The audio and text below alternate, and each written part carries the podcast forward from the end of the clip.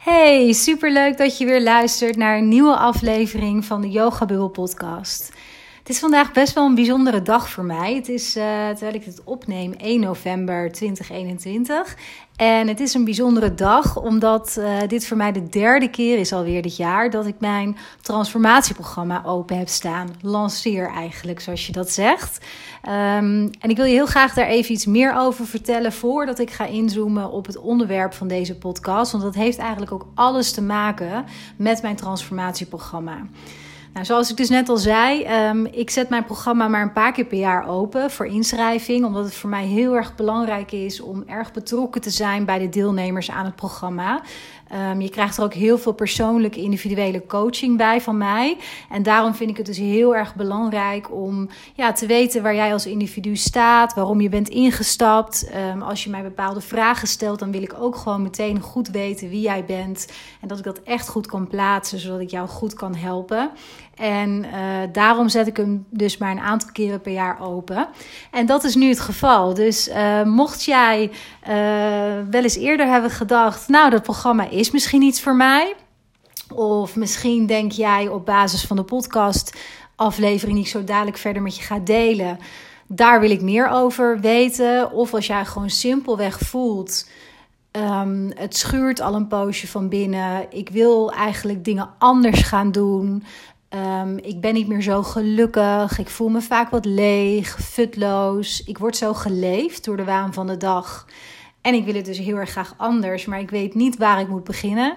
Dan zou ik je aanraden om echt even een kijkje te nemen op de website die ik in de show notes er even bij zal zetten. Um, je vindt daar namelijk alle informatie over het programma, uh, allerlei reviews van de 58 vrouwen die het programma dit jaar al hebben gevolgd, waar ik echt super trots op ben en dankbaar voor ben. Um, je vindt daar ook de inhoud van alle modules. Um, je vindt daar ook overzichtelijk op een rijtje wat je allemaal krijgt. Want dat is echt ontzettend veel. Want naast dat je uh, maar liefst 21 videolessen krijgt, verdeeld over zeven modules krijg je ook een super mooi werkboek thuis gestuurd met extra lesmateriaal en allerlei opdrachten, zodat je echt het geleerde uit de videolessen praktisch toepasbaar kunt maken in je eigen leven. Uh, er zitten yogalessen van mij bij, uh, persoonlijk ingesproken meditaties, ademhalingsoefeningen. Uh, je krijgt heel mooi vormgegeven affirmaties erbij om het proces van ja, je mindset zeg maar trainen, om dat ook te ondersteunen. En je krijgt ook toegang tot de besloten Facebookgroep met alle mensen die het transformatieprogramma hebben gevolgd of nog volgen. En daarin coach ik zelf ook wekelijks. Dus ik doe wekelijks daar live QA's. Daar kun je dus je vragen voor insturen. Je kunt me sowieso daar allerlei vragen sturen. En die beantwoord ik daar dus live wekelijks. Nou, daarnaast krijg je nu, omdat dit de allerlaatste keer is dat ik lanceer dit jaar, heb ik besloten dat ik er ook nog een aantal bonussen bij doe. Um, je krijgt namelijk de cursus Mindful Leven er gratis bij, ter waarde van 87 euro. En je krijgt ook nog on top of it all twee maanden lang persoonlijke coaching door mij via e-mail. Dus je kunt mij twee maanden lang werkelijk alles vragen wat je wilt. En ik beantwoord zo snel mogelijk en denk altijd met je mee. Um, en dat is echt een bonus die ik normaal gesproken er nooit bij geef. Want de coaching die ik normaal doe, um, die is echt beperkt tot die Facebookgroep. Dus dit is wel redelijk uniek. Ja, en tot slot krijg je ook nog onbeperkt en levenslang toegang tot zowel het transformatieprogramma als ook Mindful Leven. En dat betekent puur praktisch dat je eigenlijk het programma en ook de cursus helemaal in je eigen tijd en tempo kunt volgen. Dus um, je kunt ervoor kiezen om meteen te beginnen, of je kiest ervoor om er later aan te beginnen als je er meer ruimte voor voelt. Um, of je gaat hem bijvoorbeeld vaker doen, dat hoor ik ook wel eens. Je hebt in elk geval voor je leven lang toegang uh, en onbeperkt. Dus dat is uh, ja, wel echt heel gaaf, denk ik. Um, nou, als het je aanspreekt, ga dan even naar mijn website yogabubbel.nl. Dan vind je boven in de navigatie vind je werk met mij. Als je daarop gaat staan, dan zie je daaronder in het drop-down menu transformatieprogramma naar boven komen. Als je daarop klikt, heb ik vandaag as we speak de pagina opengezet. Waar je dus alle informatie vindt en je dus deze te gekke bonussen en een enorme aanbieding ook qua korting kunt pakken. alleen maar deze week. Dus het is vandaag 1 november en het geldt dus tot en met 7 november. Dus dat is aanstaande zondag. Nou, tot zover eventjes mijn praatje over het programma, wat ik gewoon echt even met je wilde delen. Ehm, dan ga ik nu verder met echt de inhoud van deze aflevering. En die heeft ook alles met het transformatieprogramma te maken. Want er is een hele module, submodules, die over dit onderwerp gaan. Omdat ik dat onwijs belangrijk vind in de weg um, naar jouw meest authentieke en mooiste leven toe. En dat heeft te maken met je familiestructuur. Je hebt natuurlijk de titel van deze podcastaflevering gezien: de impact van je familiestructuur. Ehm, en die is vaak echt enorm groot, terwijl we ons daar totaal niet bewust van zijn. Sommige mensen die uh, voelen ook meteen wat weerstand misschien. Misschien heb jij dat ook wel, dat als je dit zo luistert of überhaupt ziet staan, de impact van je familiestructuur, dat je meteen een bepaalde weerstand voelt. Um, omdat het vaak een thema is wat bij heel veel mensen veel raakt van binnen. Vaak ook op een onbewust niveau. Uh, want er moet vaak wat in je leven gebeuren voordat je echt gaat kijken naar waar komen eigenlijk mijn structuren, mijn patronen, mijn gedrag vandaan. Waar heb ik eigenlijk mijn overtuigingen vandaan? Waar uh, komen mijn waarden en mijn normen eigenlijk vandaan op een dieper niveau? Kijk, als je normaal gesproken gewoon leeft en het, ja, je leven hobbelt als het ware gewoon voort, dan is er ook niet echt noodzaak of zo om naar binnen te keren en om eens ja, aan zelfreflectie te doen of bij jezelf na te gaan. Um, ja, waar je bepaalde dingen en structuren zeg maar vandaan hebt. Um, dat gebeurt vaak pas op het moment dat je in een dal zit in je leven, dat je iets heftigs meemaakt. Um, nou ja, dat kan een sterfgeval zelfs zijn, heel groot natuurlijk. Het kan een scheiding zijn, het kan een verlies van een baan zijn. Het kan allerlei vormen hebben. Hè? Maar een dal zorgt er vaak voor dat we echt ja, naar binnen keren en echt bij onszelf te raden gaan van wie ben ik eigenlijk en wat is belangrijk voor mij en waar komen mijn patronen en mijn gedragingen eigenlijk vandaan. Nou, terug naar die familiestructuur. Ik kan daar echt ongelooflijk lang over doorpraten, omdat ik het namelijk zelf een heel fascinerend onderwerp vind. Uh, en het voor mij ook een enorme game changer is geweest in mijn eigen persoonlijke groei. Uh, en daarmee bedoel ik dat toen voor mij persoonlijk duidelijk werd wat in mijn privésituatie de impact daadwerkelijk is geweest van de familiestructuur waar ik uitkom, toen viel werkelijk de hele puzzel in elkaar. Um, en dat, daarmee bedoel ik niet dat ik de verantwoordelijkheid voor mijn gedrag of van, voor mijn patronen en structuren afschuif op mijn familiestructuur. Want uiteindelijk ben je alleen maar verantwoordelijk voor jezelf en voor je eigen gedrag natuurlijk. Alleen, um, er werd voor mij wel in één klap ontzettend veel duidelijk over bijvoorbeeld de redenen waarom ik altijd pleaste. Of de redenen waarom ik altijd maar zo'n bewijsdrang had. Of ergens heel goed in wilde zijn. Altijd maar wilde presteren ook. Bij mij kwam dat heel erg uit mijn familiestructuur zetten. Enerzijds uh, omdat ik mezelf als kind ben gaan aanpassen op mijn familie van oorsprong. En daar bepaalde overlevingsstructuren voor ben gaan inzetten. Waaronder het pleasen, waaronder zorgen voor. Um, en zeker ook de, de prestatiedrang als het ware. En ook wel een beetje perfectionisme moet ik zeggen. Maar het kan ook zo zijn, in andere gevallen, dat hoor ik ook vaak om me heen, dat je bepaalde gedragingen juist over bent gaan nemen van je ouders, van je opvoeders, van je bredere familie. Uh, omdat je dat simpelweg als kind als voorbeeld hebt gekregen. Dus dan ga je dat kopiëren, dat gedrag, uh, zonder daar verder bij stil te staan of dat wel bij jou past, of dat wel echt uit jou komt. En voor je het weet ben je 20 jaar verder, 30 jaar verder en kom je tot de conclusie dat iets niet echt bij jou past, helemaal niet uit jouzelf komt. Nou, dan kan het heel erg helpen in het proces van ja, eigenlijk dichter bij jezelf komen om te begrijpen waarom je bepaalde dingen bent gaan kopiëren of bent gaan doen. Nou, voor ik dus enorm ga uitweiden, heb ik voor mezelf even een paar dingetjes bedacht die ik heel erg graag met je wil delen over de impact van je familiestructuur. En laat duidelijk zijn, hè, het is echt ontzettend persoonlijk. Elke situatie is totaal anders. Maar dat we allemaal te maken hebben met een bepaalde impact van jouw familiestructuur, dat is echt gewoon een gegeven. Um, heel algemeen is het zo dat de De vader in een gezinssituatie die staat voor dingen als daadkracht, voor presteren, voor bewijzen. Ja, echt een beetje meer die rationele, hardere kant, zal ik maar zeggen. En de moeder staat, ehm, ja, als ik dat in één woord moet vatten, uh, als je familie systemisch kijkt, zoals ze dat noemen, staat heel erg voor verbinding en voor relaties, voor de manier waarop jij ja, je tot anderen eigenlijk verhoudt. Hè? Dus de, de kwaliteit van je relaties, als het ware. Nou, een simpel voorbeeldje. Ik heb even twee voorbeelden, want dat zijn best wel dingen die veel vaker voorkomen en die je misschien dus ook wel herkent. Um, als je bijvoorbeeld een hele dominante vader hebt gehad, een autoritair persoon, iemand die best wel traditioneel is, zwart-wit denkt.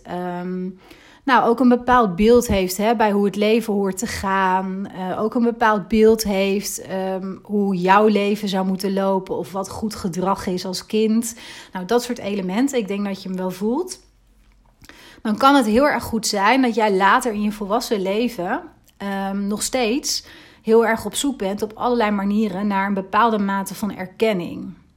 Dus dat je niet alleen maar in relatie tot je ouders, maar dat je bijvoorbeeld ook op je werk hè, daar heel erg behoefte aan hebt. Dat je graag de erkenning wilt krijgen voor het werk wat je verzet. Dat je graag promoties maakt. Ja, dat doen we allemaal, maar dat je daar constant zeg maar naar hunkert, naar streeft. Um, het kan ook zijn, want het uit zich ook vaak in uh, perfectionisme. Dus dat je het heel erg moeilijk vindt uh, om de touwtjes een beetje te laten vieren, om jezelf te ontspannen. Je staat als het ware altijd op scherp, altijd op aan. En je hebt heel erg behoefte aan controle uitoefenen over dingen. Dus het gevoel wil jij hebben dat je, ja, dat je controle kan uitoefenen. Uh, om te voorkomen dat dingen in het duigen vallen of um, ja, dat iets niet perfect um, zal zijn. Dus dat zijn ja, voorbeelden zeg maar, van gedrag, perfectionisme en die erkenning. Wat weg kan komen. Ik zeg niet dat het altijd zo is, maar van dus de kant van de vader, die dan waarschijnlijk een hele dominante of autoritaire rol in het gezin heeft uh, gehad. Um, de andere kant is ook een voorbeeld, heb ik gekozen. Um, wat ik echt heel erg veel hoor, omdat dit ook het thema is waar ik veel mee werk.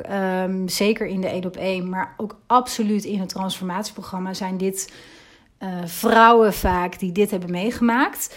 en dat is als je zeg maar een emotioneel onvolwassen of zelfs afwijzende moeder hebt gehad. Dus iemand een vrouw die gewoon op emotioneel niveau niet kon verbinden met jou, dan kan het heel goed zijn dat jij op latere leeftijd, en ook al wel jong hoor, maar in je volwassen zijn nog steeds heel erg aan het pleasen bent.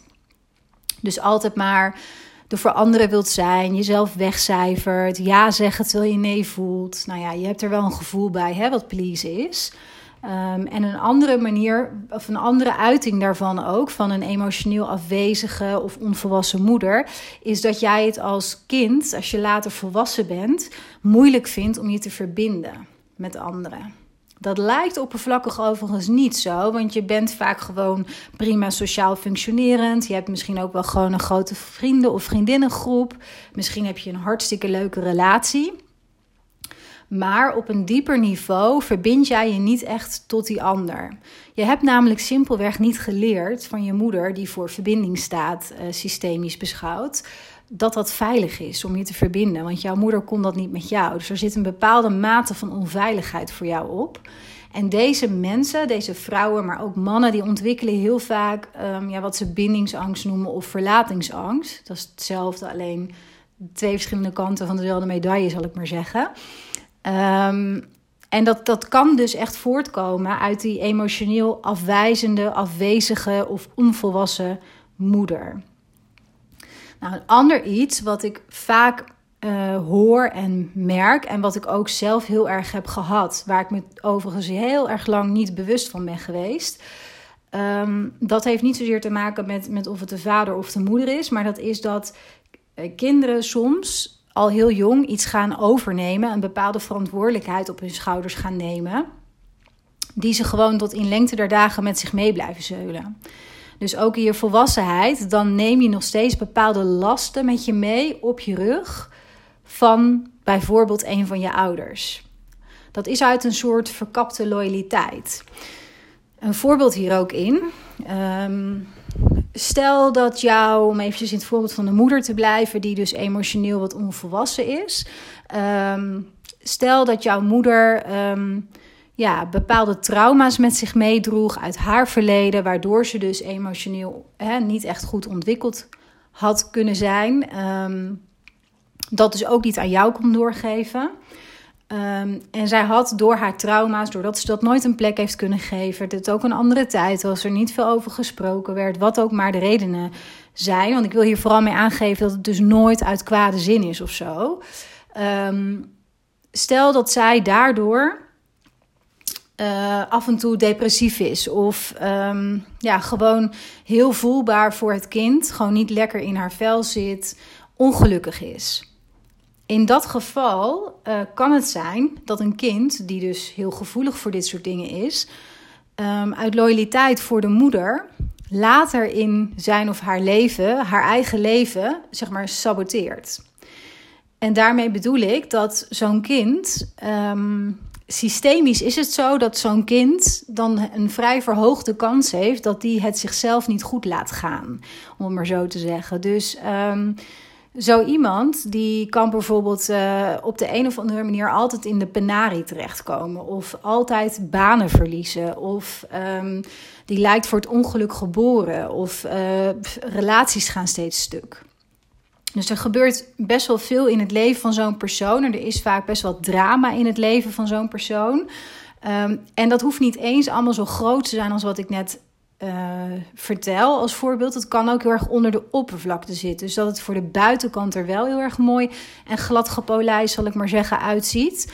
Maar dat het onder water zo is dat um, bijvoorbeeld, dat is iets wat ik zelf bijvoorbeeld heel erg uh, heb gehad, uh, is dat ik onder water uit een soort verkapte loyaliteit naar mijn ouders, um, ja, mezelf niet kon ontspannen. En mezelf heel slecht dingen kon gunnen. Want het leven was zwaar voor een van mijn ouders. En dus moest het dat voor mij ook zijn. En als je mij dat vroeger zo gezegd had, dan had ik dat echt niet uh, erkend, denk ik. ik. Want daar was ik me totaal niet van bewust. Maar toen ik eenmaal zelf in dat uh, proces van persoonlijke groei zat en ja, echt ging reflecteren op mezelf en ging kijken van wie ben ik eigenlijk. Ja, toen moest ik niet, kon ik niet anders dan concluderen dat dit gewoon wel echt heel erg klopte. Dat ik gewoon op een bepaalde manier die ja, uit een verkapte loyaliteit, een misplaatste loyaliteit, het mezelf soms ook gewoon niet goed liet gaan omdat ik dat ook thuis had gezien. En ja, een kind is nu eenmaal loyaal aan ouders natuurlijk. Dus ja, hoe dat precies zeg maar in elkaar uh, steekt, hè, dat is ook heel moeilijk denk ik uh, te vatten. Maar dat het zo is, um, daar ben ik echt helemaal van overtuigd. Sowieso omdat ik dat zelf dus heb ervaren. En ook gewoon dat die puzzelstukjes, zodra je dat dus echt gaat zien, zo op zijn plek vallen. Maar ook omdat ik dit zoveel om me heen hoor. Um, ja, allemaal in andere vormen. Maar voor mij is dat uh, ja, echt meer dan genoeg bewijs dat uh, dit echt zo kan werken.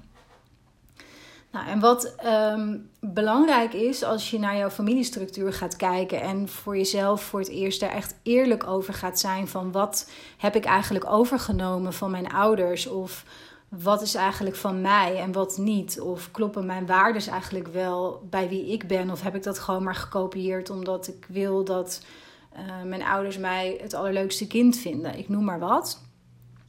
Um, het is heel belangrijk dat je dan leert om op je eigen plek te gaan staan. Als je het hebt over ja, weer familiesystemisch kijken, of überhaupt systemisch kijken, zoals dat heet. Dat gaat echt over dat je op, je op de goede plek moet gaan staan. Je moet zeg maar je ouders ook je ouders laten zijn. En dat betekent dus dat je niet um, als het ware metaforisch boven ze moet gaan staan. Snap je wat ik daarmee bedoel? Dus dat je niet als het ware als soort van um, veroordelende blik hebt op je ouders. Of dat je vindt dat zij het allemaal niet goed hebben gedaan. Um, dat je op een bepaalde manier gewoon echt verheven voelt, zeg maar, hè, boven je ouders. Dat betekent, dat is maar één van de vormen hoor, maar wel de meest voorkomende. Dat betekent gewoon dat jij niet op de juiste plek staat. En let ook hiermee op, want dat kan heel subtiel gaan. Hè? Het is niet dat jij jezelf dan beter voelt dan je ouders. Altijd, dat dat altijd um, de uitingsvorm is van boven je ouders gaan staan. Het kan ook zijn dat jij bijvoorbeeld zelf, hè, in het voorbeeld van, um, van die moeder die afwezig is emotioneel of onvolwassen, dat jij bijvoorbeeld in je volwassen leven het je moeder dan kwalijk neemt dat zij jou niet heeft kunnen geven wat jij nodig had. Ehm, en dat betekent eigenlijk ook al, daar zit al oordeel in. Hè? Dus dat betekent ook al dat je op een bepaalde manier jouw moeder niet haar plek gunt. Uh, want er zit oordeel in. Dat betekent niet dat je over je grenzen hoeft te laten gaan. Of dat je niet um, daar nog met een bepaalde mate van verdriet of zo naar kunt kijken. Uh, of daar ook om mag huilen natuurlijk. Maar um, het is wat anders dat je je moeder erom zou veroordelen. Want in dat geval blijf jij boven je moeder staan en dan stroomt als het ware gewoon de levensenergie niet. Dan zul je merken in je leven dat heel veel dingen, uh, ja, in dit geval dat de moeder staat voor verbinding, heel veel dingen op relatievlak en ja, hoe jij zeg maar interacteert met anderen, die zullen gewoon niet lekker stromen. Er zal elke keer weer wat gebeuren. Uh, omdat je je moeder dus gewoon beneden je zet. En dat hoort niet systemisch beschouwd. Um, het is daarin ook, zeg maar, als er grootste dingen zijn voorgevallen, is het dus bijvoorbeeld heel belangrijk dat je je ouders op een bepaalde manier vergeeft. En um, als het om hele heftige dingen gaat, dan is dat natuurlijk, ja, daar heb ik zelf dan niet ervaring in. Dus dat kan ik me alleen maar proberen voor te stellen dat dat natuurlijk verschrikkelijk moeilijk is. Betekent ook niet dat je iets goedkeurt, hè? dat is wat anders. Maar je vergeeft niet voor een ander, je vergeeft in beginsel voor jezelf, zodat jij vrij kan zijn en dat jij los mag gaan laten. Dat is wat dat is. Heel veel mensen denken bij vergeving, oh dan doe ik iets goeds voor die ander. Maar vergeving, dat is echt iets goeds doen voor jezelf. Dat is waarvoor je dat doet. En het is niet om, het, om iets bepaald gedrag goed te keuren. Het is gewoon om het los te laten. Het geen impact meer te laten hebben op jou vandaag de dag. En um, ja, ik denk dat het, dat het misschien wel een bepaalde, um, ja, moet ik dat zeggen, bepaalde les van het leven is om um, ja, op deze manier naar je achtergrond te kijken. Dat, dat er altijd wel weer dingetjes op kunnen komen. Bij de een meer dan bij de ander. En dat bedoel ik een beetje met de les van het leven. Dat het altijd weer opnieuw inzichten geeft. En dat je zeker als je wat problematische familiestructuur hebt, ehm, dat er elke keer weer nieuwe dingetjes op je pad komen, weer oude lessen weer in een nieuw jasje of zo. Um, maar de dag dat jij dit gaat inzien en echt voor jezelf gaat erkennen wat de impact is op jouw keuzes, op hoe jij in het leven staat, op uh, hoe jij je gedraagt. Ja, dat is gewoon echt. Dan vanaf dat moment um, ga je alleen maar naar voren toe. Want het geeft zoveel ruimte en zoveel bevrijding en zoveel lucht om te begrijpen waar bepaald gedrag vandaan komt. En dat, dat sommige dingen daarin dus helemaal niet van jou zijn. En dat je dat dus ook prima weer, ja, even metaforisch gezegd, terug mag geven aan de persoon waar het thuis hoort. Dat is niet van jou. Je mag het gewoon laten gaan. En je mag gewoon zijn wie jij bent. En gewoon jezelf daarin ook helemaal omarmen. En um, echt voor jezelf gaan staan, zeg maar, daarin met respect voor je, de rol die jouw ouders hebben en het leven dat ze jou uiteindelijk gegeven hebben. Want dat is uiteindelijk natuurlijk ook zo. Kijk, zonder je ouders was je er niet geweest. Dus in die zin hebben ze jou het grootste goed gegeven. En um, zij hebben jou emotioneel. Um, hè, omdat vandaag de dag zijn er gewoon veel speelt het vooral zeg maar, op emotioneel vlak dat sommige mensen het gevoel hebben van hé, hey, ik heb niet alles gekregen van mijn ouders wat ik nodig had, maar ze hebben je wel alles gegeven wat zij konden. Natuurlijk uitzonderingen daar gelaten, hè, vreselijke gevallen daar gelaten, maar over de lijn is er geen ouder die niet zijn of haar best doet voor het kind en niet het allerbeste wil. Dus ook al was het niet wat jij nodig had, ze hebben wel alles gegeven wat zij konden. En dat is ook heel belangrijk voor jezelf om te onthouden, denk ik. Nou, ik kan hier nog heel erg lang over doorpraten. Dat ga ik niet doen, want ik probeer altijd een beetje zo binnen het half uur te blijven qua opname. Um, ik ga zeker hier nog eens een podcast over opnemen, want um, ja, ik heb hier gewoon heel veel waardevols over te delen. En ik denk dat het ook gewoon voor heel veel mensen heel erg um, ja, een eye-opener misschien kan zijn. Dat hoop ik althans. Um, ja, en wat ik dus ook al net even zei, um, ik begon niet voor niets over mijn transformatieprogramma en dat je nu kunt aanmelden voor uh, deze ronde, de allerlaatste ronde. Um, ja, er gaat een hele module eigenlijk over eh, de, je familiestructuur, eh, de manier hoe relaties jou spiegelen. Ook in relatie tot je familiestructuur, de rol die jij daarin hebt, de impact die het heeft gehad op jouw eigen leven. En als jij ja, bij deze podcast voelt van ja, shit, het resoneert bij me. Ik weet niet precies hoe of wat. Of misschien is het helemaal nieuwe materie voor je. Of misschien heb je er al wel eens wat over gehoord. Maar heb je het weer weggestopt. Of misschien voel je juist een massive weerstand. Maar heb je het wel tot dit punt uh, beluisterd. Ja, dan zou ik je echt uit willen nodigen om op de website te gaan kijken naar mijn transformatieprogramma. Want ja, ik beloof je echt dat wat je daar gaat leren over je eigen familiestructuur, dat is echt life-changing. En ja, gaat je gewoon zoveel inzicht geven in jouw persoonlijkheid, in wie jij bent en wat jij ook los mag laten.